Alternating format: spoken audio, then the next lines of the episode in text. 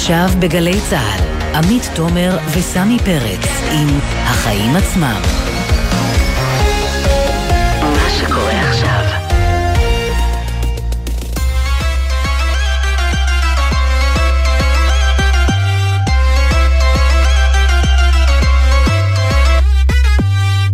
עכשיו, שש וארבע דקות, אתם על החיים עצמם, התוכנית הכלכלית-חברתית של גלי צה"ל. אני עמית תומר, ואיתי כאן סמי פרץ. מה שלומך, סמי? איך עובר היום? אה, בינתיים עובר בסדר, אה, אם כי יש פה קצת רגשות מעורבים, כי אני שמח שמחירי הדלק יורדים, כי יוקר המחיה, כידוע, גבוה מאוד. אבל חשבתי שאם הדלק זול יותר, אנשים ישתמשו יותר ברכב הפרטי, ואז הפקקים יתארכו. היי, היי, תהיה שמח, זה אומר שיש לנו יותר מאזינים. יותר מאזינים, כן, כן. זהו. צריכים לגלות למאזינים שהמודל העסקי של תוכניות רדיו זה פקקים, וככל שיש יותר, מקשיבים לנו יותר. אז אה, אנחנו באמת ננצל את העניין הזה כדי לדבר עם אה, שרת האנרגיה, קארין אלהרר. כן, ועוד אה, סיבה טובה לדבר איתה, חברת החשמל בדרך להגיש בג"ץ נגדה, בגלל שמינויו של מאיר שפיגלר למנכ"ל החברה עדיין לא נחתם. בקיצור, שמח שם. ונשמע מה היא אומרת גם על זה. חוץ מזה נעסוק גם בעליות הריבית, שהבנקים לא ממש מגלגלים אלינו הצרכנים. אתמול סנונית ראשונה, בנק אה, דיסקונט מעלה את הפיקדון, והיום עשינו בדיקה מיוחדת. מה עושים בעקבות זה בבנקים האחרים? האם מתחילה להתעורר שם סוף סוף תחרות? ננסה להבין. ורמז, הבדיקות האלה עוזרות. כן. עוזרות. בשביל זה אנחנו פה. בדיוק. אנחנו כמובן גם נמשיך עם המעקב אחר הפרשה של סנפרוסט והליקויים החמורים שנמצאו שם, והפעם ננסה להבין מה קורה בשירות המזון שאמור לפקח על אירועים כאלה. ומאיה שוקן, כתבתנו לענייני רווחה, תדווח על החזית החדשה שמחכה למשרד האוצר, לא רק המורים, אלא גם העובדים הסוציאליים. ונסיים עם המרוויחים הגדולים של גל החום שפקד אותנו היום. רמז, מזל שהאולפן שלנו ממוזג, אחרת נראה לי שלא היית מגיע היום, סמי. בהחלט, לא הייתי מגיע בנסיבות האלה. אבל מאחר שאתה כבר פה, מה הכותרת שלך היום? אז תשמעי, אנחנו הולכים לדבר קצת היום על בנקאות, ואני בכותרת שלי עוסקת בעניין הזה. לפני שבועיים הושק הבנק החדש, הבנק הדיגיטלי, 1-0, והיום הוא הודיע שהוא גייס כבר כמעט 14 אלף לקוחות בפרק הזמן הזה. זה יפה, זה נחמד, מדי יום מצטרפים 250 לקוחות חדשים, וחלקם מגיעים לאיזו רשימת המתנה, שכך אומרים בבנק, 80 אלף איש נמצאים באותה רשימה. אז אה, מוקדם, מוקדם מאוד לקבוע אם זו הצלחה, אנחנו נצטרך לחכות שנה, שנתיים, שלוש, כדי לדעת אם הדבר הזה תפס ואם העסק הזה מצליח. אבל יש פרמטר אחד שבעיניי הוא הרבה יותר חשוב מהשאלה כמה לקוחות יעברו לאותו בנק, והוא כמה זה יצליח לגרור את הבנקים האחרים לתחרות, וזה מאוד תלוי בבנק, בבנקים, אתה יודע, גם בבנק 1-0, כמה הוא יהיה תחרותי. כמה הבנקים האחרים יגיבו בו, יגיבו לו, ובעיקר בנו. כלומר, כמה אנחנו ננסה לבדוק ולהשוות את ההצעות של הבנק לעומת מה שהבנק שלנו מציע לנו, כי כשיש לנו אלטרנטיבה, הבנק שלנו יחזר אחרינו הרבה יותר. כי ככה זה עובד. אז אתם מוזמנים לעשות את הבדיקה והניסוי הזה. אם לא תעשו, לא תשפרו את מצבכם. זהו, חלק ממה שכל כך קשה זה שוואן זירו בעצם הביאו מודל חדש. הם אמרו, אנחנו אה, רוצים שתשלמו לנו סכום כסף ותקבלו שירותים ללא הגבלה, מה שלא עושים בבנקים האחרים, ואז בשונה מסלולר, קשה לבדוק ולהשוות. נכון, ייקח נכון. זמן, אני בספק אם הבנקים האחרים ילכו למודל שקוף. אבל אולי לפחות הם ייתנו לנו יותר, וגם זה יהיה מבורך, כן. אנחנו עדיין לא שם. רק צריך להזכיר שמחר תושק רפורמת המשכנתאות, שבעצם המוטו שלה זה שאתה מקבל הצעה ואתה יכול להשוות אותה להצעה של הבנק המתחרה. הייתי רוצה שגם ההצעות של בנקים כמו 1-0 יהיו כאלה שניתנות להשוואה. כלומר, אמרו לי 50 שקלים על הכיפאק, אני אלך לבנק אחר, תגידו לי כמה זה עולה, ואז אני יכול להשוות. בהחלט. אה, והכותרת שלך? הכותרת שלי שההכנסות של מספנות ישראל זינקו ברבע מיליארד שקלים במחצית הראשונה של 2022, לעומת התקופה המקבילה ב-2021, השנה שלפני, שזה המון. והסיבה שזה מעצבן אותי, היא שחלק נכבד מהסכום הזה הגיע מהכיס של כל אחד מאיתנו בעקיפין. החברה מסבירה בדוחות הכספיים שלה איך ההכנסות זינקו ב-30 אחוזים, והיא כותבת שם בין היתר שמה שתרם לכך זה העלייה במחירי ההובלה הימית, שהוסיפו לקופתה בסך הכל, תקשיב טוב, 42 מיליון שקלים. בחצי שנה. והדבר הזה הוא מה שחברות המזון והטואלטיקה ועוד מכנות העלייה במחירי השינוע, בדרך כלל ממש בצמוד למשפט, ולכן אין לנו ברירה אלא להעלות מחירים. אז זה לא קורה רק אצלנו, זה קורה בכל העולם. מחירי ההובלה הימית זינקו מאז פרוץ מגפת הקורונה במאות אחוזים, ועדיין, גם עכשיו, כשהפקקים בנמלים מצטמצמים. שמענו פה אני ואתה אתמול את אמיר שני, בעלים של חברת לוגיסטיקה בינלאומית, שטוען, למרות שמחירי ההובלה אמורים לרדת והפקקים אה, פחות ארוכים. יש מגמה של הפחתת מספר הספינות על הקווים כדי לייצר הגדלה של הביקושים, הגדלה מלאכותית, שתשמור את רמת המחירים גבוהה. הוא כמובן לא דיבר ספציפית על מספנות ישראל וההתנהלות שהוא מתאר רחבה, אבל הנה, היום אנחנו רואים דוגמה למי מרוויחים מזה, ובעיקר עד כמה הם מרוויחים מזה, 35% יותר גם ברווח התפעולי. כן, ולא רק הם, אני מניח שרוב החברות שעוסקות בהובלה, זו הייתה באמת שנה מוצלחת במיוחד עבורם. המחירים יורדים, מחירי השינוע, ההובלה הימית יורדים. אה, צריך לראות שזה מתגלגל גם אלינו. סך כן. הכל כשבזמנו הסבירו לנו שמעלים מחירים בגלל זה, אז הנה עכשיו הסיבה להוריד מחירים. זה כבר אולי בדוח הבא שלהם. בהחלט. נתחיל. נתחיל. אז איתנו על הקו עכשיו קארין אלהרר, שרת האנרגיה ממפלגת יש עתיד, שלום. ערב טוב לכם. נפתח קודם כל עם השאלה שכנראה הכי מטרידה את מי שמקשיב לנו עכשיו בפקקים. כמה נשלם על הדלק החל ממחרתיים בלילה ולאורך חודש ספטמבר? אה, אני לא יודעת עדיין את המחיר הסופי, אבל אכן תהיה ירידה. אה, כמו שאתם בוודאי זוכרים, אני פעלתי כבר מחודש מרץ. פניתי לשר האוצר בשעתו, וביקשתי ממנו להוריד את אה, אה, מרכיב הבלו. אה, כי אני באמת חושבת, את יודעת, בסוף כולנו אזרחים לפני שאנחנו כל דבר אחר, אה, ואי אפשר היה שהאזרחים אה, ייצאו באמת בעליות מחירים גבוהות. ולכן במה שאפשר, חשבתי שנכון יהיה כן לסייע אה, וכן אה, להוריד את מרכיב הבלו כדי להוריד את אה, גובה המחיר. אבל למרות בינתיים... שזה רשום על שמו, כן? על ישראל ביתנו. ולא של יש עתיד. סמי, יש לי סוד לגלות לך, אה, אני לא מחפשת קרדיטים, אני באמת חושבת שנכון לפעול לטובת האזרחים, ואני מאוד שמחה ששר האוצר אימץ את הבקשה שלי, אה, וזה בסדר גמור. אבל אנחנו- קרדיט לכולם יש בשפע. אנחנו רואים בצו היום שהיועצת המשפטית אה, כרגע מאפשרת להמשיך את ההפחתה כמעט במלואה בחודש הבא לחודש אה, נוסף, אבל היא שמה שם איזה סימן שאלה לגבי מה יקרה בחודשים שאחרי, עד הבחירות אה, ואחריהן, כי היא בעצם אומרת במילים אחרות, הרעיון היה שזה יהיה פתרון לתקופה שבה הדלק טיפס לי שמונה שקלים, ועושה רושם שאנחנו הולכים ומתרחקים משם, ונשאלת השאלה אם זאת לא נשארת רק כתבה, מתנה בסופו של דבר. לא, תראי, בסופו של דבר צריך להבין, המחיר של הדלק מושפע משני מרכיבים מרכזיים. האחד זה מחיר הדלק העולמי שלנו במדינת ישראל, אין שום השפעה עליו. והדבר השני זה מרכיב המיסוי. אנחנו אה, פועלים כדי להוריד את מרכיב המיסוי. כל עוד מחיר הדלק הוא גבוה, ועדיין צריך לזכור, מחיר הדלק אה, הוא לא מאוד אה, נמוך. כן, למרות שצריך לזכור אנחנו- שהמיסוי אמור לממן את כל ההשפעות השליליות של נסיעת כלי רכב, שזה באמת גם פקקים אני- וגם אובדן תוצר וכולי. אז uh, הכסף. הזה אמור לממן לנו יותר תשתיות, יותר כבישים, יותר uh, תחבורה ציבורית טובה. Uh, השאלה למה שם אנחנו לא מתקדמים בקצב המספק. אז אני, מכיוון שישבתי בכל ישיבות הממשלה, בהם הוצגו כל התוכניות לרבות שדרוג מערכת התחבורה הציבורית, אני סמוכה ובטוחה שהדבר הזה נמצא בעבודה, אה, ואני אומרת לכם שהממשלה פעלה רבות כדי לשפר את התשתיות בכל התחומים, גם בתחום האנרגיה, גם בתחום התחבורה, בכל דבר, אה, והרבה פעמים בגלל שתחום התשתיות הוא תחום שלוקח הרבה מאוד זמן, לא רואים את התוצאות מאוד מהר. כן, אני רוצה רק להפנות אל...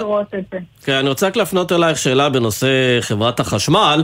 אה, היא מתכוונת לעתור לבג"ץ נגדך אה, על כך שאת מעכבת או לא מקדמת את האישור של מינוי אה, מאיר שפיגלר למנכ"ל החברה.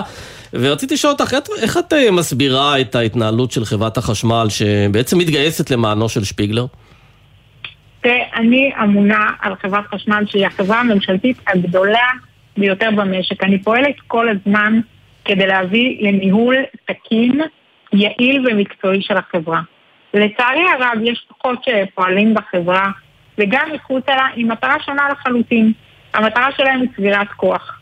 בשנה האחרונה אני הבאתי לאישור אה, הרבה מאוד שמות של אנשים, גם למשרות דירקטורים, גם למשרות יושבי ראש דירקטוריון. אה, ומשום מה אף אחד מהם לא עבר כל פעם מאמתלה אחרת. עכשיו תראה, זה מאוד מוזר כל האירוע הזה. מה שיותר מוזר בעיניי, זה העובדה שאני כשרה ביקשתי את הפרוטוקולים של ישיבות הדירקטוריון שעסקו במינוי, ולמרות שפניתי אין ספור פעמים ויש להם חוות דעת משפטיות מתוך חברת חשמל להעביר לי את הפרוטוקולים. עד היום הם לא העבירו, הם מסרבים להעביר. מי לא מעביר את הפרוטוקולים? חברת החשמל עצמה? חברת חשמל, כן. דירקטוריון חברת חשמל מסרב להעביר. מה, אבל את השרה אחראית על הגוף הזה בסופו של דבר. מצוין, נכון. פניתי לכל הגורמים כדי שיעבירו אליי את הפרוטוקולים. הפרוטוקולים לא עברו. לי זה מראה, אני לא יודעת, לי זה מראה שאולי יש מה להסתיר. אז זהו, דוב אה, בערב הרי התפטר אה, אחרי שבועיים בלבד. נכון. כן, אחרי שבועיים בלבד כיושב ראש החברה. זוכר. לא, אבל רגע, אני רק רוצה נכון. לשאול, לחדד את זה. אה, הטענה שלו הייתה שיש פוליטיזציה בחברה. והשאלה האם נכון. בדקת את הטענות שלו, ואת יודעת בדיוק למה הוא מתכוון.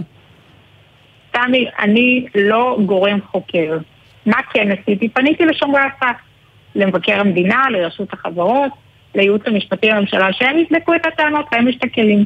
כשכל הבדיקות האלה יסתיימו, אני אחליט איך לפעול וכיצד להבטיח שבסופו של דבר חברת החשמל תעשה את מה שהיא אמונה עליו.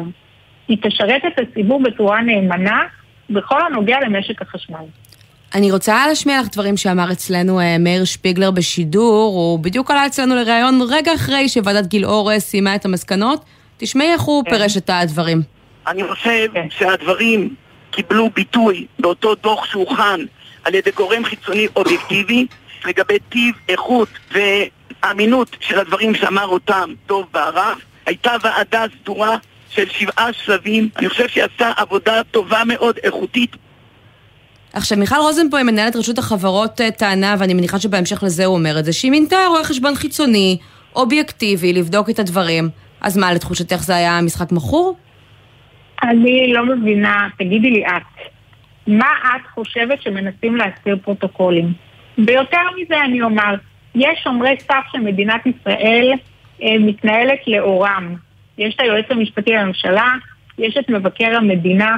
אני רוצה לראות מה עמדתם בנושא הזה, ואני רוצה לראות את העדויות. עם כל הכבוד לכולם, אם מסרבים להעביר לי פרוטוקולים, ומסרבים בתוקף למרות חוות דעת משפטיות, לי זה אומר שיש משהו שהוא לא קשורה. אה, אני לא יודעת מה עשה אותו אה, בודק. אני כן יודעת שהוא כתב דוח שחלקו, הוא, הוא, קודם כל הוא פרסם אותו לעיתון לפני שאני ראיתי אותו. זה כבר מלמד מדהים. על ההתנהלות. אז אז בואי, עם כל הכבוד, לא ככה מנהלים דברים. אבל זה אבל- העניין, ו- השאלה אם זה תקין בעינייך שחברת החשמל, חברה גדולה עם חוב גדול, משרתת את כולנו, נשארת כך ללא מנכ"ל כבר כמה חודשים, נשארת בעצם עם יושב ראש חברה זמני. אה, איך פותרים את הפלונטר הזה? כל אחד, בסדר, כל אחד אולי אה, צודק, אבל החברה הזו לא מנוהלת. אה, תשמע, יש לי כלים מאוד ברורים איך אני צריכה להתנהל. אני צריכה להעביר שמות לרשות החברות, שהיא תעשה להם pre-ruling. הם צריכים לאשר ולהעביר את זה לוועדת גילאור. אני עשיתי את מה שמוטל עליי. בסופו של דבר, יש שר אוצר, יש רשות חברות, אני מצפה מכולם להתגייס. שר האוצר, אגב, בסופו של דבר לא היה צריך את כל הדברים האלה. ועדת גילאור קבעה והוא ישר חתם ואישר את המינוי. איך את אה, מסבירה את זה? שר האוצר לא מעורה כנראה במה שהיה. אני אה, מאוד מעורה בכל הפרטים, ואני אומרת לכם שיש דברים שצריך לבדוק אותם. יכול להיות שמיכל רוזנבוים, ראש רשות החברות, הכשילה מינויים אחרים, את השמות שאת נתת בהוראת שר האוצר שניסה לדחוף את המינוי הזה? אני, מכיוון שאני לא בטוחה בשום דבר, אני לא יכולה לומר את זה. כן, נראה לי שהבנו אה, בין השורות, כן, כן. אנחנו רוצים לנצל גם את השיחה איתך כדי שתעדכני אותנו, אולי אם זה לא תחום אה, אחריותך. אה, איך עומד המשא ומתן עם הסתדרות המורים, והשאלה אם שנת הלימודים תיפתח בזמן ביום חמישי הקרוב? אז אני אומרת, קודם כל, ראש הממשלה לפיד עובד מאוד מאוד קשה בעניין הזה ונמצא בקשר שוטף גם עם שרת החינוך וגם עם שר האוצר. המטרה מבחינתנו היא בוודאי לפתוח את שנת הלימודים. אני אימא לשני תלמידים במערכת החינוך, אה, והדבר חשוב לכולנו, אה, אבל באמת, מצד שני גם, אה, לא להפקיר ולחזק את מעמד המורים והמורות ולהביא לשנת לימודים איכותית. וכרגע לא איזה סיכוי את נותנת לפתיחה בזמן של שנת הלימודים? תראה, אני לא נמצאת בחדרי המשא ומתן, ולכן אה, זאת תהיה, זה יהיה ניחוש, שיהיה טוב בדיוק כמו שלך.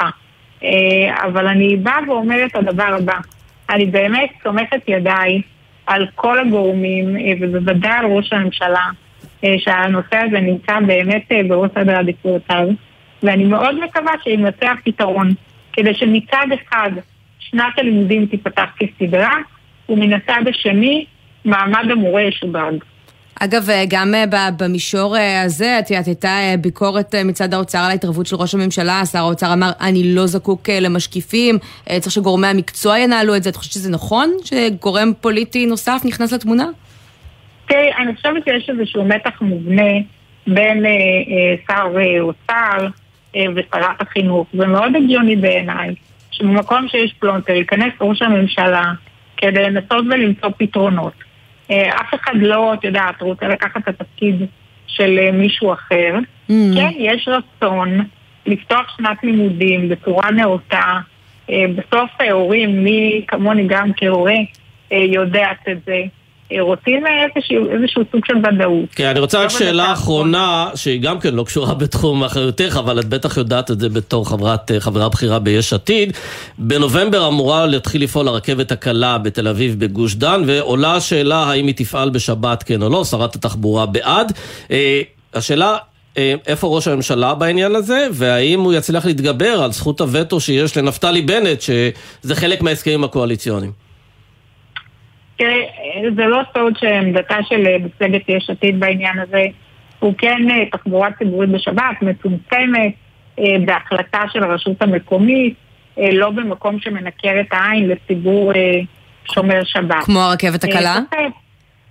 אז אני אומרת, צריך לבדוק שכל התנאים מתקיימים, ובמידה וכן, שוב, צריך לראות שזה לא פוגע בהסכם הקואליציוני. אבל בנט כבר מחפש עבודה בהייטק, מה הוא רלוונטי?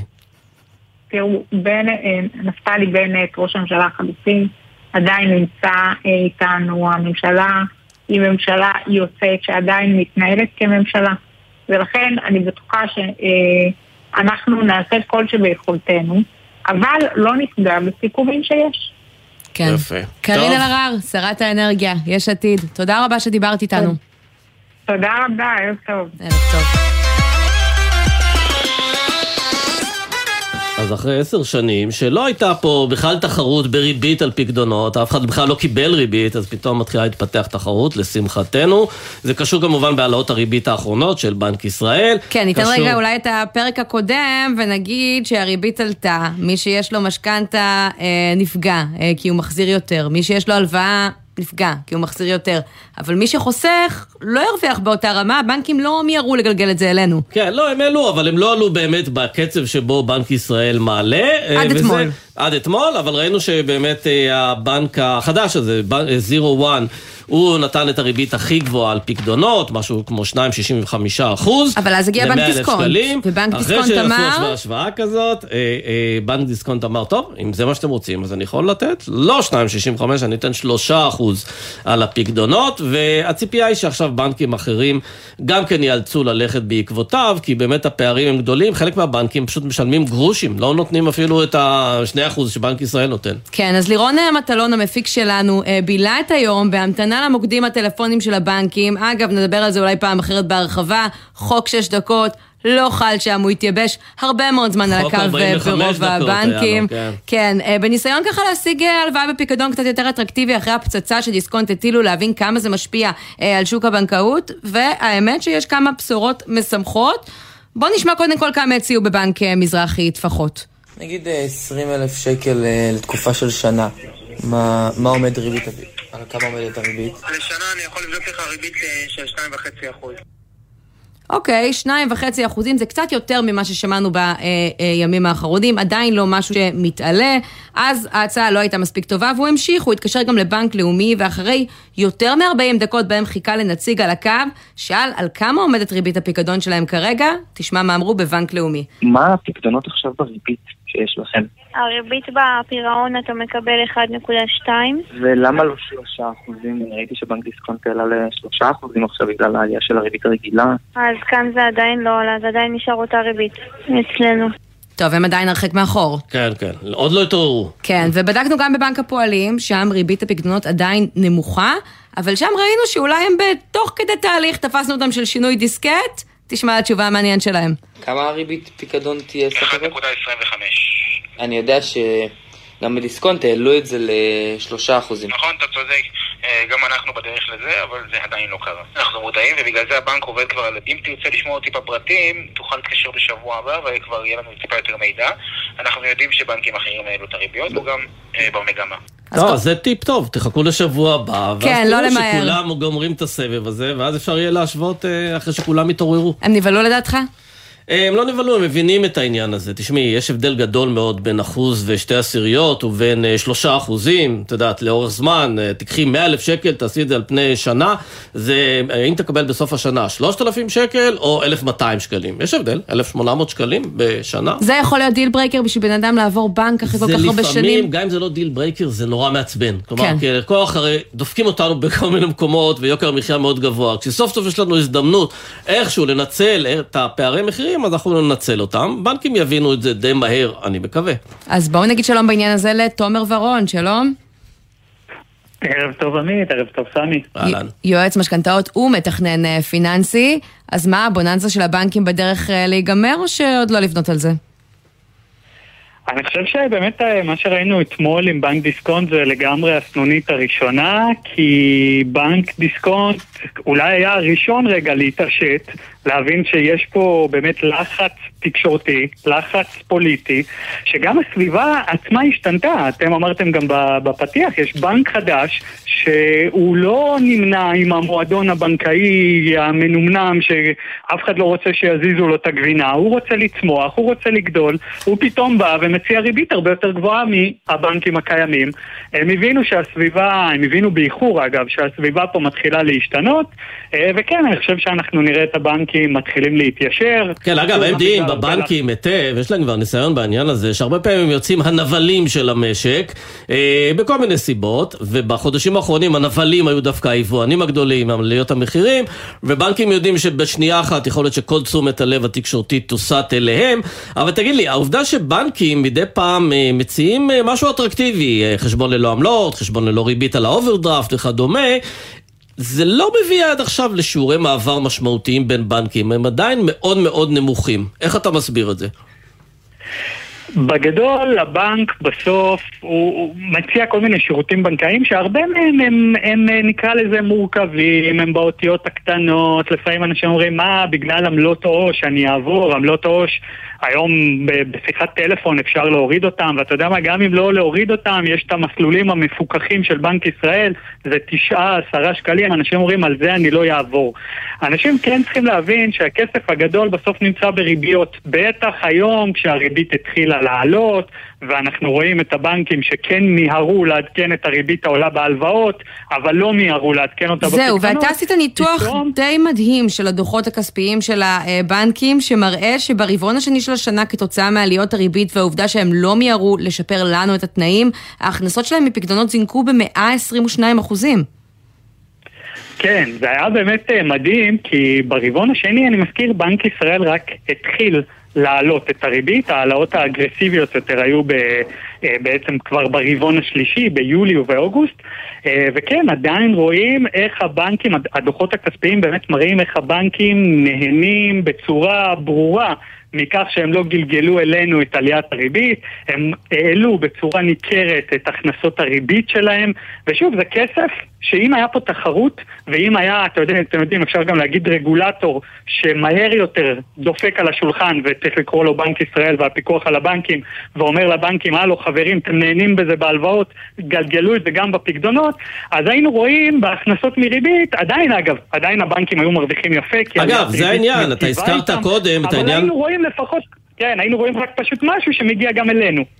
כן, אתה הזכרת קודם את העניין של העמלות, שבאמת הרבה פעמים הפוקוס הציבורי הוא על זה שהבנקים גובים מאיתנו הרבה מאוד עמלות, אבל כשאתה מסתכל על ההכנסות של הבנקים, שליש מהם זה עמלות ושני שליש זה ריביות. כלומר, המקום הזה הוא גם כן מקום שבו אפשר לעשות אה, הרבה יותר שופינג ולנסות לתחר בין הבנקים, אבל תגיד, למה הבנקים לא מוכנים לשלם לנו ריבית על יתרות זכות בחשבון העובר ושב? תראה, אני חושב שהיתרות זכות של עובר ושב זה קצת אה, נושא שונה. כלומר, היום יש לי שם עשרת אלפים שקל ומחר אני יכול למשוך אותם. לבנק קשה אה, לקחת את הכסף הזה ולבנות עליו כדי לתת אותו כהלוואות למישהו אחר, כי בסוף ככה הבנק עובד. כן, שאלה רק אחרונה ה- לסיום, תומר, כי אנחנו כן. הזמן שלנו מתקצר, אתה מתעסק במשכנתאות, ההחזר החודשי טיפס בעקבות העלאות הריבית. אתה רואה כבר לחץ של לווים שמעדיפים אפילו למכור את הדירה שלהם ולעבור לשכירות בגלל עליית ההחזרים? אז לא, עדיין לא ראינו את זה, אבל אין ספק שהשלושה ארבעה חודשים האחרונים היו העלאות אג- ריבית אגרסיביות, כן, מתחילים לגרום לאנשים אולי להתחיל אה, לחשב צעדים מחדש, לחשב מסלול מחדש, יש אה, הרבה פעמים אנשים שאתה יודע, יש להם איזה קרן השתלמות נזילה ואיזה משהו שהם לא נגעו בו והצעד הראשון הוא בוא רגע ניגע בזה ונצמצם את המשכנתה, יכול להיות שהצעד השני, ככל שהעלאות ריבית ימשיכו והם ימשיכו, יהיה גם צעדים יותר אה, משמעותיים נקרא לזה. תומר ורון, יועץ משכנתאות ומתכנן פיננסי, תודה רבה ששוחחת איתנו, ואנחנו נמשיך לעקוב אחרי הסיפור הזה, כי סמי, אני חייבת להגיד לך, ביום ראשון דיברנו פה עם אה, חבר הכנסת אלכס קושניר מישראל ביתנו, שככה פנה לבנקים נגד הדבר הזה, ואמר להם, תעלו את הריביות, אחרת אני אכנס אה, דיון בוועדת הכספים, וזה היה נשמע לנו מין איום כזה של למה שהוא יפחיד את הבנקים, אבל הנה, כנראה שבתוצאה עם הלחץ הציבורי, שגם מדברים על זה, והנושא הזה בסדר היום, זה מביא תוצאות, אז אה, צריך כן? להמשיך ככה. זה בעיקר כסף גדול מאוד. כן. כמה תשדירים, ואנחנו מיד חוזרים.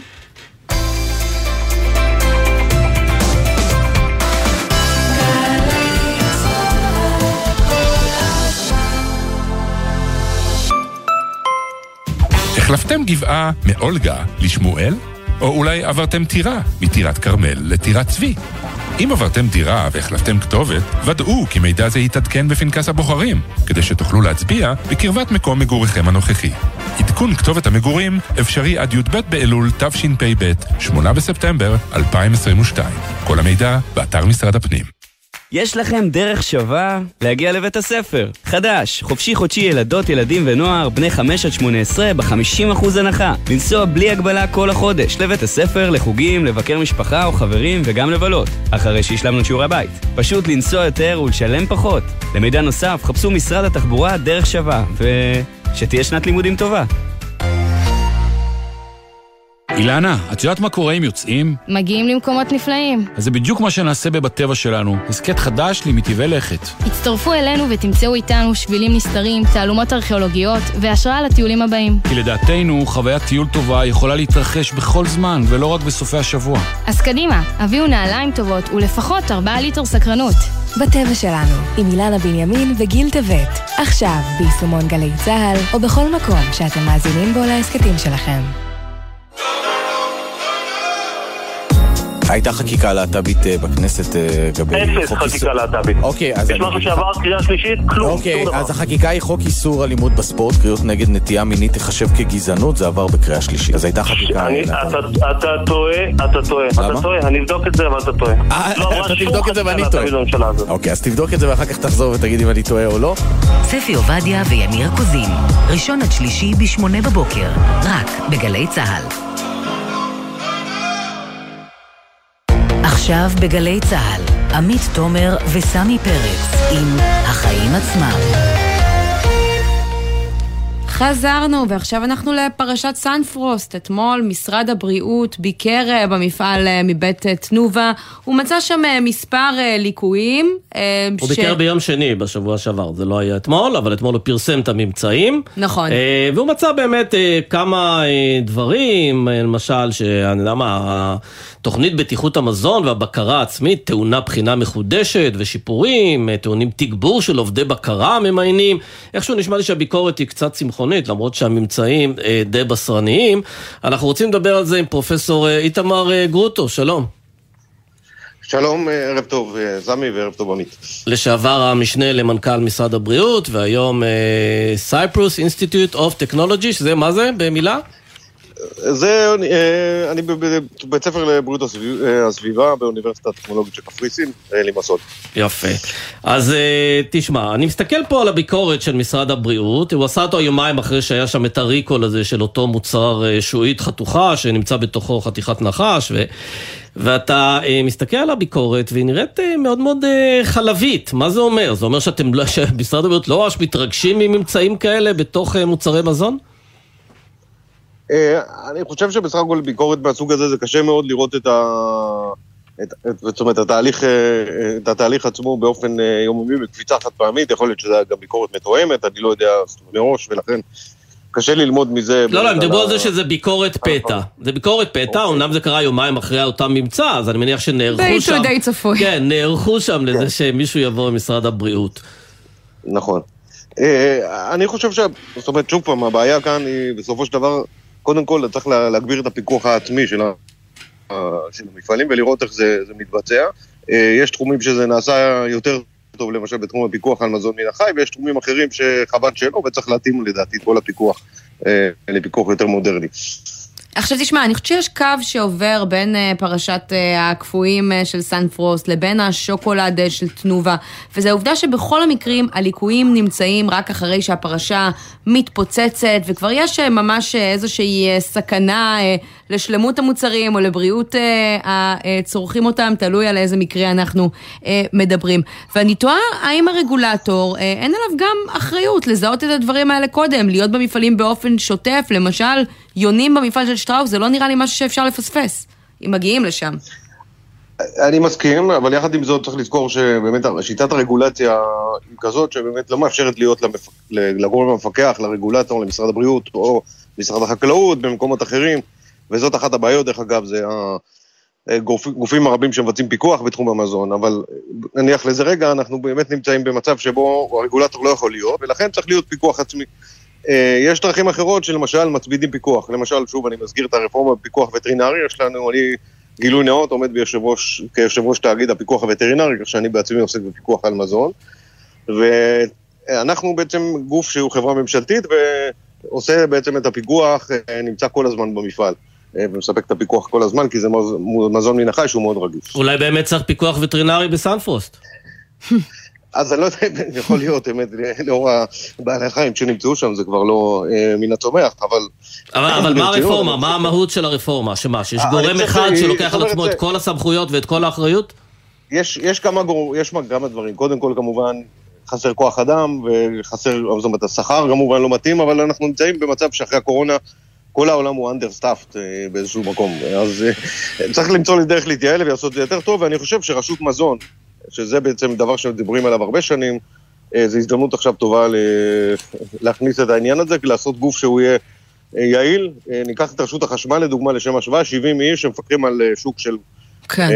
אני לא יודע כמה מיליארדים, אני לא מכיר את גודל השוק, אבל באמת, זה 70 איש שמפקחים על שוק כזה גדול, אני חושב שלמזון גם מגיעה רשות משלו בעניין הזה. ובסופו של דבר כשאנחנו מסתכלים על אגף המזון, חוץ מעניין התקנים, כרגע אני מבינה שנוטשים שם הרבה מאוד עובדים. אגב, פנינו למשרד הבריאות ושאלנו כמה, אה, הם לא ענו עד הרגע הזה, אבל אני מבינה שהמספר הוא דו-ספרתי אה, רק בחודשים אה, האחרונים. לא מצליחים לאייש את התקנים החסרים. למה? אה, קודם כל יש בעיה כללית בעולם באמת של, אה, זאת אומרת, גם בשדות תעופה, לא רק בארץ, גם בעולם. אה, בגלל שאני מסתובב קצת בחו"ל, אני רואה שגם, זאת אומרת, יש, יש מחסור בכוח אדם בכל המקומות. אז, אז זה קודם כל בעיה מספר אחת. אני, גם בתאגיד הווטרינרי, למשל, שאנחנו אנחנו מתקשים לגייס כוח אדם, כי פשוט אנשים פחות רוצים לבוא לעבוד במקצועות האלה. אה, נראה לי וגם שהסביבה אם של כל כך הרבה עובדים במכה זה משהו שהוא קצת מעבר, לא? אולי העומס מאוד גדול.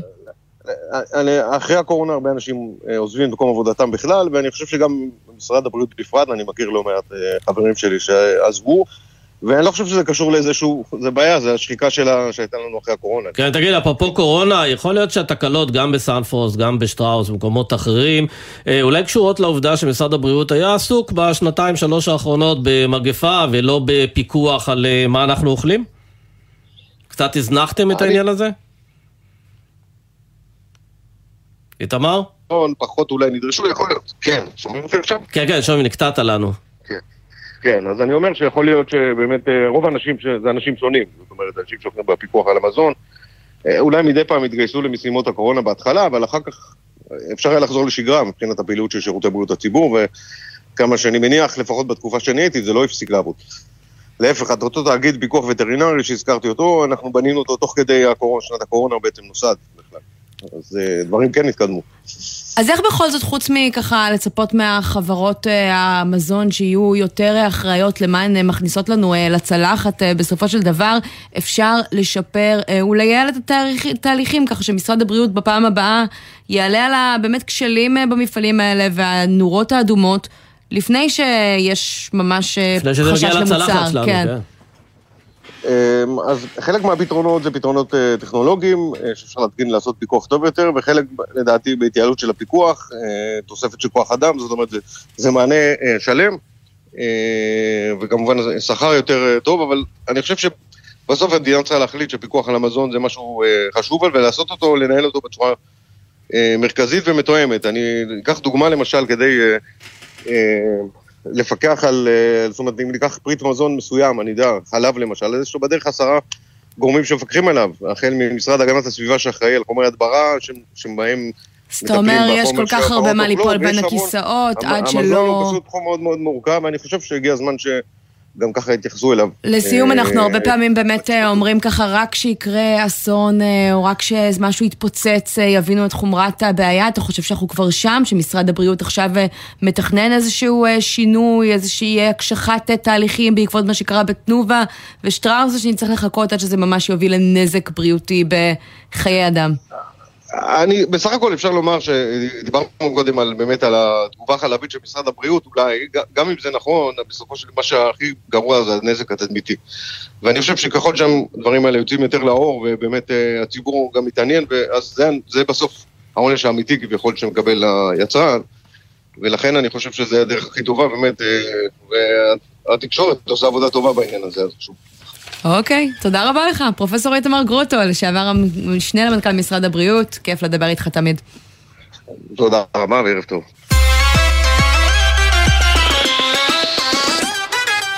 אז אה, באמת עוד פחות מ-48 שעות אמורה להיפתח שנת הלימודים. אה, אנחנו לא יודעים אם היא תיפתח, אבל אנחנו ממשיכים לדבר על זה, בתקווה שפתאום נגלה משהו חדש, איזה פריצת דרך. ואיתנו עכשיו אה, מנשה לוי, יושב ראש התאגדות מנהלי בתי הספר העל-יסודיים. ערב טוב, מנשה. ערב טוב. אז תשמע, תגיד לי, למה אתם לא אוהבים את הרעיון שאם תלמידים טובים מקבלים ציון גבוה ותלמידים פחות טובים מקבלים ציונים נמוכים, אז מורים טובים מקבלים יותר ממורים פחות טובים? כי ההשלכות של ההצעה המטופשת של אה, משרד האוצר הן השלכות קשות, הם לא מבינים, אתה יודע מה, בשביל לפתור את הבעיות של משרד הבריאות, אה, כמו שאתה הצגת באייטם הקודם, צריך להכניס את פקידי האוצר למשרד הבריאות, ולצה"ל למשרד הביטחון, ולחינוך כמובן, הרי בחינוך כולם מבינים, הם יפתרו את כל הבעיות. הרי באמת, פקידי האוצר התבלבלו. אין להם מושג מה זה מערכת חינוך. עזוב את פקידי האוצר, אתם חינכתם אותנו הרבה מאוד שנים, מי שמשקיע יותר, מקבל יותר. תקשיב, מה הקשר בין מה שאתה אומר לבין ההצעה של משרד האוצר שאומרת בעצם אנחנו מייצרים שני סוגי מורים עם שני סוגי מקצועות לימוד. מורים סוג א' עם מקצועות לימוד סוג א' עם שכר גבוה ומורים סוג ב' עם מקצועות לימוד סוג ב' ושכר נמוך. תגיד, אתה רוצה שהם יפרקו את חדר המורים? למה לעשות את זה? למה להכניס מורים סוג א', מורים סוג ב' לאותו חדר מורים? הרי במערכת... להבדיל ממפעלי הייטק, עובדים בצוותים, עובדים ביחד. מנשה, תנסו- אבל יש שם פערי שכר, אבל יש שם פערי שכר, בכל מקום יש. פערי שכר. יש פערי שכר, והם צריכים להיות כדי ליצור אופק קידום בין מורים מתחילים לבין מורים ותיקים יותר. אגב, מערכת החינוך עומדת על הכתפיים של המורים הוותיקים שמהווים, אם אתה לוקח את הוותק של עשר שנים ומעלה, 70% מהמערכת זה מורים ותיקים. כן. אל תשכח שהמורים החדשים, בעוד מספר שנים לא רב, יהיו מורים ותיקים, והם יאכלו אותה בדיוק כמו שעכשיו רגע, אני חייבת השאלה אם הם להגיד- ישרדו במערכת. החינוך. יכול להיות שהשכר כזה נמוך שהם לא ישרדו, הם לא יגיעו בכלל למצב שהם מורים ותיקים. זה מה שרוצים, זה מה שרוצה משרד האוצר. הוא רוצה מורים חדשים כל שלוש, ארבע, חמש שנים, שנכנסים, נהנים בטווח הקצר מהשכר ההתחלתי היחסית גבוה, ואז הם הולכים הביתה להפוך את, את מערכת החינוך לתחנת רכבת. אז לפי יוצאים. כמה שהטונים שלך גבוהים, נשמע שאין סיכוי שעוד הם לא 48 גבוהים, שעות אה, הם- אני נלך מדבר- לבית ספר. אני מקווה מאוד שיפה בן דוד תהיה מספיק חזקה כדי לא להיענות להצעות המטופשות חסרות האחריות של נציגי משרד האוצר ביחס למערכת החינוך. אין להם מושג מה זה מערכת החינוך.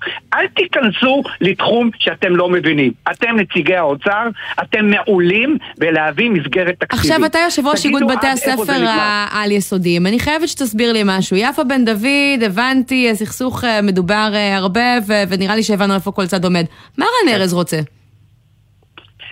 רן ארז רוצה את מה שיפה בן דוד רוצה למורים של הסתדרות המורים. הסתדרות המורים מייצגת את מורי א' עד ט' כולל ט', ורן כי אני אגיד לך איך ארז שר האוצר ליברמן. אה, תיאר את זה לפני כמה ימים. הוא אמר, אני ישבתי כן. איתו, היה לו עוד איזו דרישה אחת להכניס להסכם, אמרתי לו, סבבה, הלכנו הביתה, אחרי זה שמעתי בתקשורת שהוא מאיים בשביתה, ולמחרת קיבלתי עוד רשימה עם 29 סעיפים שאף פעם לא דיברנו עליהם, ואני לא יודע מאיפה הם באו. אז אני אומר בשידור חי כאן לכל האומה, שר, האוצר משקר ופקידי האוצר משקרים. הם חזרו בהם מכל הסיכומים שהיו בין רן ארז לבין שרת החינוך. על מה למשל? לבין נציג האוצר שליווה את התהליך בקשר לתגמול של מורים, זאת אומרת, הרפורמה של בגרויות שלא תפגע במורים, הייתה מערכת של אה, אה, הגדרות שתבטיח את זה.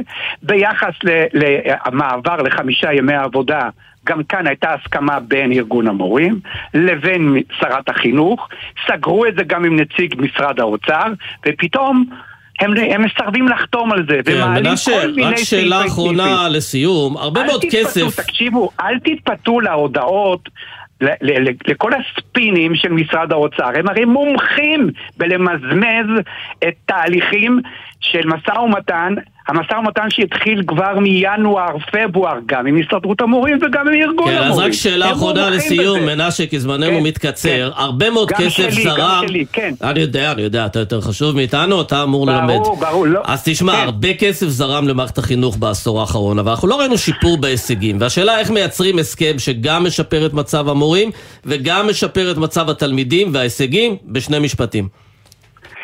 תשמע, אני חושב שהדבר הכי חכם לעשות זה להביא מסגרת תקציבית שעונה על השכר העלוב, על הסטטוס החברתי הנמוך ותנאי העבודה המחפירים של המורים ולהשאיר את כל מה שקשור לרפורמות ושינויים במערכת החינוך למשרד החינוך. אני יודע שאני אומר פה דברים מוזרים ביותר, שמשרד החינוך יגבש רפורמות ביחס למערכת החינוך. זה מוזר, אני יודע.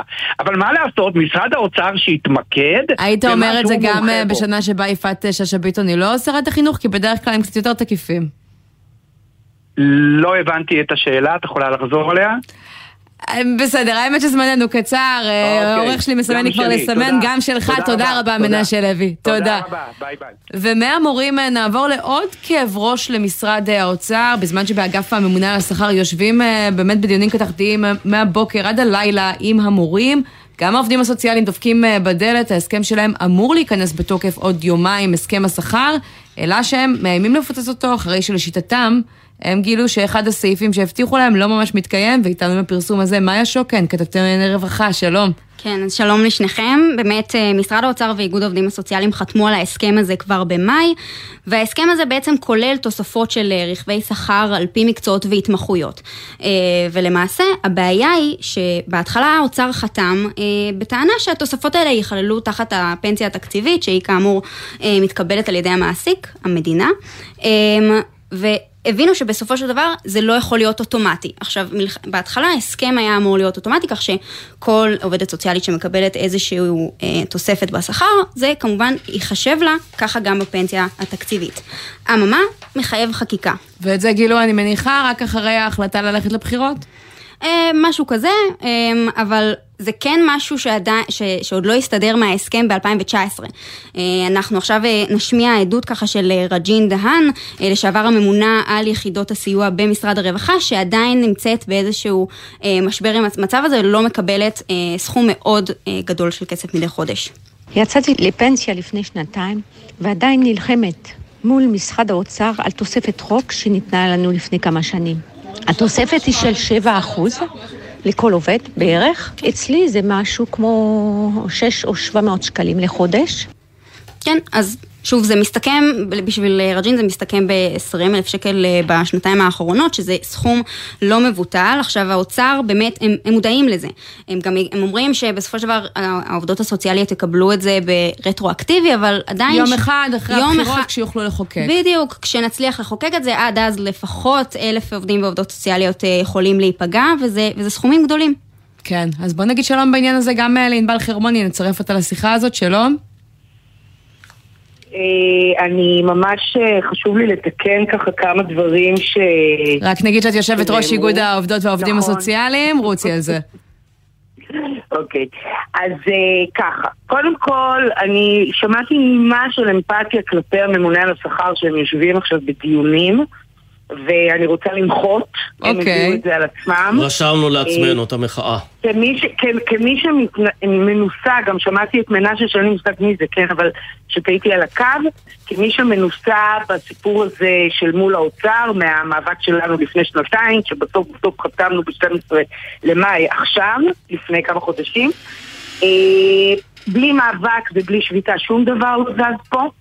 והם בהחלט מורחים את הזמן כאג'נדה, והממונה על השכר רואה את עצמו בעיקרון כממונה על בלימת השכר. מעולם הוא לא בא ואמר... זה סקטור שצריך לטפל בו ויזם משהו מבחינתו. אז ענבל, אתם כן אה, מחיתם והגעתם לחתימה על הסכם, ובהקשר לאייטם לא, הזה, לא, את אומרת ההסכם לא במלואו עומד לקרות בנקודה הנוכחית כשהוא אמור להיכנס לתוקף. אז אני אגיד, ההסכם עצמו, גם חשוב לי שהעובדות ששומעות אותנו לא ילחצו, הולך להיכנס לתוקף. Mm. יש לנו פה בעיה קשה מאוד של שיכרון אה, כוח. מה שקורה זה שהיה לנו עוד הסכם נקודתי שאני לא נכנסת אליו, בסדר? משאריות הסכם 2016, בלה בלה בלה, ב-2019, אוקיי? שלוש קבוצות עובדות קיבלו ב-2019 תוספות שכר. Mm. אה, יחידות הסיוע, כמו שרג'ין קודם שהקלטתם אותה וזה. ועוד שני, שני סוגים של עובדות. אני מחכה, אני, העובדות מחכות מ-2019, אלה שפרשו לגמלאות, שזה ייכנס להם לפנסיה כמו שאמור להיות. כל רכיבי השכר היום בשכר... שזה היה אמור לקרות מחרתיים, מה-1 בספטמבר? לא, לא, זה היה אמור לקרות בספטמבר 2019 או באוקטובר. אני מדברת על הסכם מלפני שלוש שנים. פשוט עכשיו, ברפורמה mm. שנחתמה ב-12 במאי, אז הבטיח לי קובי בר נתן, הממונה על השכר והצוות שלו, שבאותה הזדמנות חגיגית שהם מבינים שעד הראשון התשיעי של מחרתיים או מחר, מתי שזה, צריכים אה, בעצם לדאוג לתוספות של הרפורמה שייכנסו אה, כתוספות פנסיוניות, והם אמרו, מבחינתנו זה תוספות פנסיוניות, זה רק עניין פרוצדורלי, ופשוט הם, הם מתנהלים...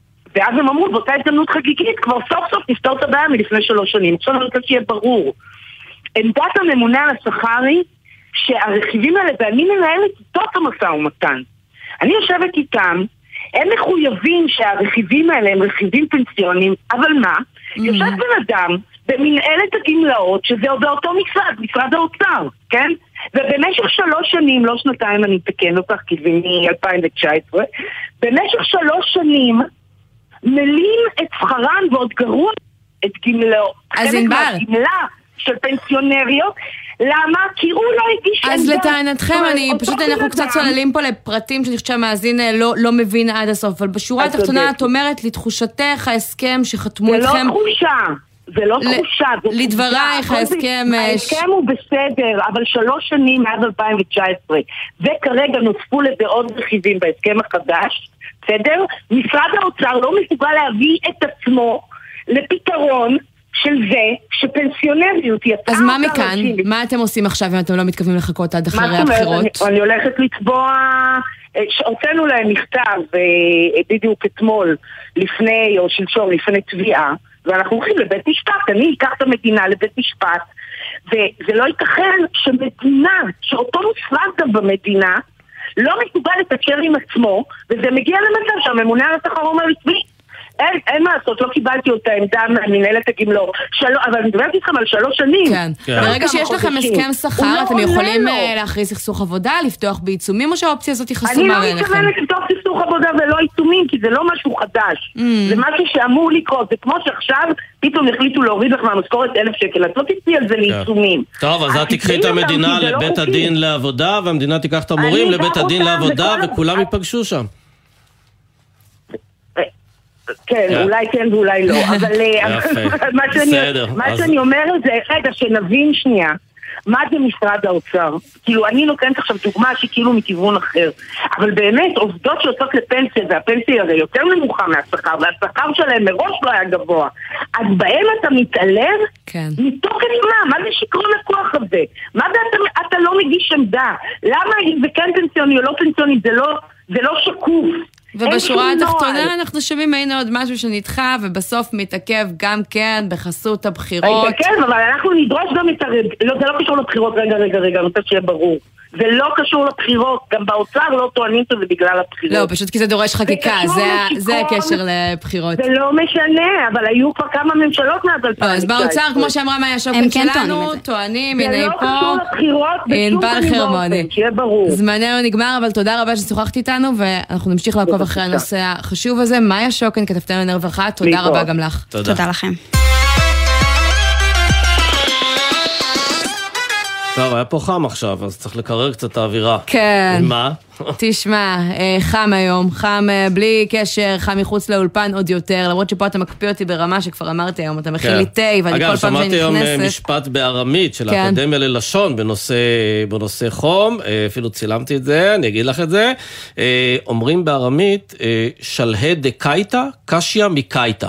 ובעברית? סוף הקיץ קשה מן הקיץ. כן. אז אה, בעניין הזה בואו נדבר עם מי שאולי יהיה קשה לו, אבל יש לו גם הרבה עבודה, ליאור אמסלם, שלום. שלום. טכנאי מזגנים בחברת הארדקור, ומה? עובד נכון. הארדקור? אה, כן, אפשר להגיד שבחודשים האלה, טירוף, טירוף מה שהולך. מה כמה קורה קריאות השבוע? ביום באמת לעומת אה, ימים רגילים? מה, מה, סליחה? כמה קריאות יש לך היום אה, ביום, בקיץ, לעומת ימים רגילים? אה, אני יכול להגיד שבתקופות אה, עונות מעבר ובתקופות חורף, אני יכול להגיד שאני מקבל אה, לצורך העניין נגיד שלוש או ארבע קריאות ביום. בקיץ, בחודשים שהחמים חמים, שזה היוני, יולי, אוגוסט, זה... אני יכול להגיע גם ל-12, 13 קריאות ביום. ואתה מצליח לטפל בכולם? או לא, שאתה אומר להם תבואו בחורף? בדיוק באתי להגיד, או שאני מפנה לקולגות שלי שאני סומך עליהם בתחום, או, וככה זה יד רוחצת יד, או שאני אומר להם פשוט לנסות אה, לדלג אה, לבא בתור, אני רובם לא מצליח להגיע, אני... והשבוע, ליאור. זה החריף? השבוע זה החריף? כי בכל זאת חם בצורה שעוד לא ראינו פה הקיץ. כן, אני יכול להגיד שהקיץ הזה יחסית אה, בתחושה שלי ושל אה, עוד כמה אנשי מיזוג שאני איתם בקשר, שהקיץ הזה טיפה פחות חם, אבל אה, בשבוע האחרון אה, באמת אה, התחלנו להרגיש מה זה חום חום בקיץ הזה, שזה איחר להגיע, אבל זה באמת חום טירוף, הלחות מאוד גבוהה, ויש המון המון קריאות. תגיד, המון. מעלים מחירים למי שנזכרו ככה ברגע האחרון, בשיא שיא שיא החום, בשבוע הכי חם בשנה, וקורא לך? אני פחות uh, מתנהג ככה, לא אוהב את זה. אני משתדל תמיד לשמור על הרף של המחירים שלי, גם בחורף, גם בקיץ. אין סיבה שלפי דעתי לקוח צריך לשלם uh, גבוה ולנצל את המצב uh, בגלל שחם. כן, תן לנו שני טיפים שאנשים לא כך יודעים על אה, שימוש במזגנים בבית. אה, מה הדבר שהכי כדאי לעשות כדי לנצל טוב יותר את המזגן? טוב, קודם כל אה, חשוב לי לציין, אה, אני מגיע להמון המון קריאות ולקוחות שלא מנקים את הפילטרים ופתאום מתקשרים אליי ואומרים לי, תקשיב, המזגן רועש, או המזגן לא מקרר טוב, או כן. המזגן מתפקד. אז תק- תנקו את הפילטרים זה אחד, פשוט תכף נגמר לנו הזמן, והשני, אם יש? אה, לנקות פילטרים ולדאוג לסגור חלונות כל הזמן, לא לתת לטיפת לחוץ להיכנס הביתה, זה גורם לנזילות מים. וזה גם מוציא את. המזגן החוצה, אם אתם כבר משתמשים בו זה יקר, תנצלו כל טיפה. ליאור אמסלם, תודה רבה ששוחחת איתנו. בכיף, בכיף, להתראות לך. ונגיד תודה גם לבן נצר, העורך שלנו, לליאור מטלון ותומר ברקאי שהפיקו את התוכנית הזאת. על הביצוע הטכני היה רוני טרנובסקי, עורך דיגיטל הוא אביתר בר-און, ומיד אחרינו תהיה פה נורית קנטי עם 360 ביום. אני עמית תומר, סמי פרץ, תודה רבה. תודה לך. מחר יהיה כאן. ש- שייני ויחד איתי, תבואו. ביי ביי.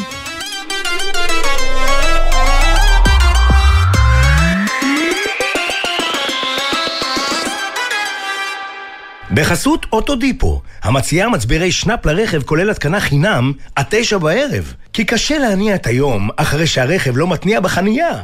אוטודיפו. בחסות מחסני חשמל, המציינת יום הולדת, ומציעה מגוון מבצעים והנחות על עודפי מלאי. שבוע יום הולדת במחסני חשמל.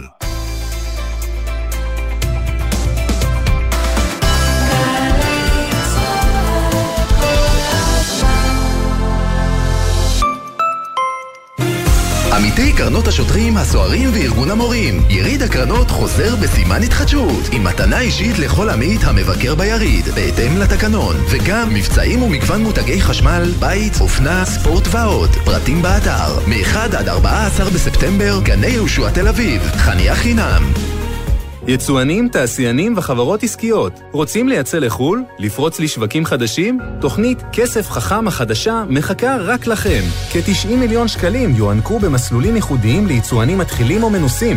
עד חצי מיליון שקלים לחברה. אל תוותרו על הסיוע, עכשיו תורכם לגדול לעולם הגדול. המקצה פתוח עד 31 באוגוסט. מהרו להגיש. לפרטים חפשו ברשת כסף חכם או ייכנסו לאתר מנהל סחר חוץ במשרד הכלכלה והתעשייה, כפוף לתנאי התוכנית. לא חייבים לשלוט בלוח הכפל כדי להבין אם הילד כבר עבר את גיל תשע. עם פתיחת שנת הלימודים, חשוב לזכור, ילד עד גיל תשע אינו חוצה כביש לבד. לילדים בני יותר מתשע, נזכיר שחוצים רק במעבר חצייה, ורק כשהכביש פנוי, ולא משתמשים בטלפון הנייד בזמן החצייה. שתהיה לכולנו שנת לימודים מוצלחת ובטוחה. הרלב"ד, מחויבים לאנשים שבדרך.